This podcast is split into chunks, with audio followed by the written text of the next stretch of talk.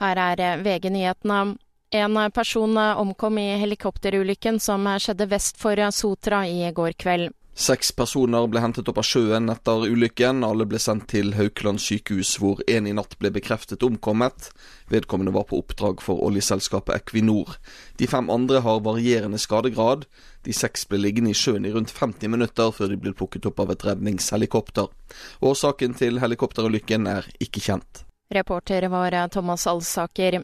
Minst 79 personer er blitt drept i Gaza i løpet av natten. Det hevder palestinske helsemyndigheter, som sier i en uttalelse at dødstallet nå har passert 30 000 siden 7. oktober. Tallene er ikke bekreftet av uavhengige kilder. En person sitter fastklemt etter en trafikkulykke i Vinje i Telemark. En lastebil og en personbil har kollidert, opplyser politiet. Nødetater er på vei. To mindreårige jenter har innrømmet at de tente på Barkåker skole i Tønsberg sent i går kveld. Det ble mindre brannskader i en garderobe i skolefritidsbygget. I studio, Kristin Strand, nyhetene får du alltid på VG.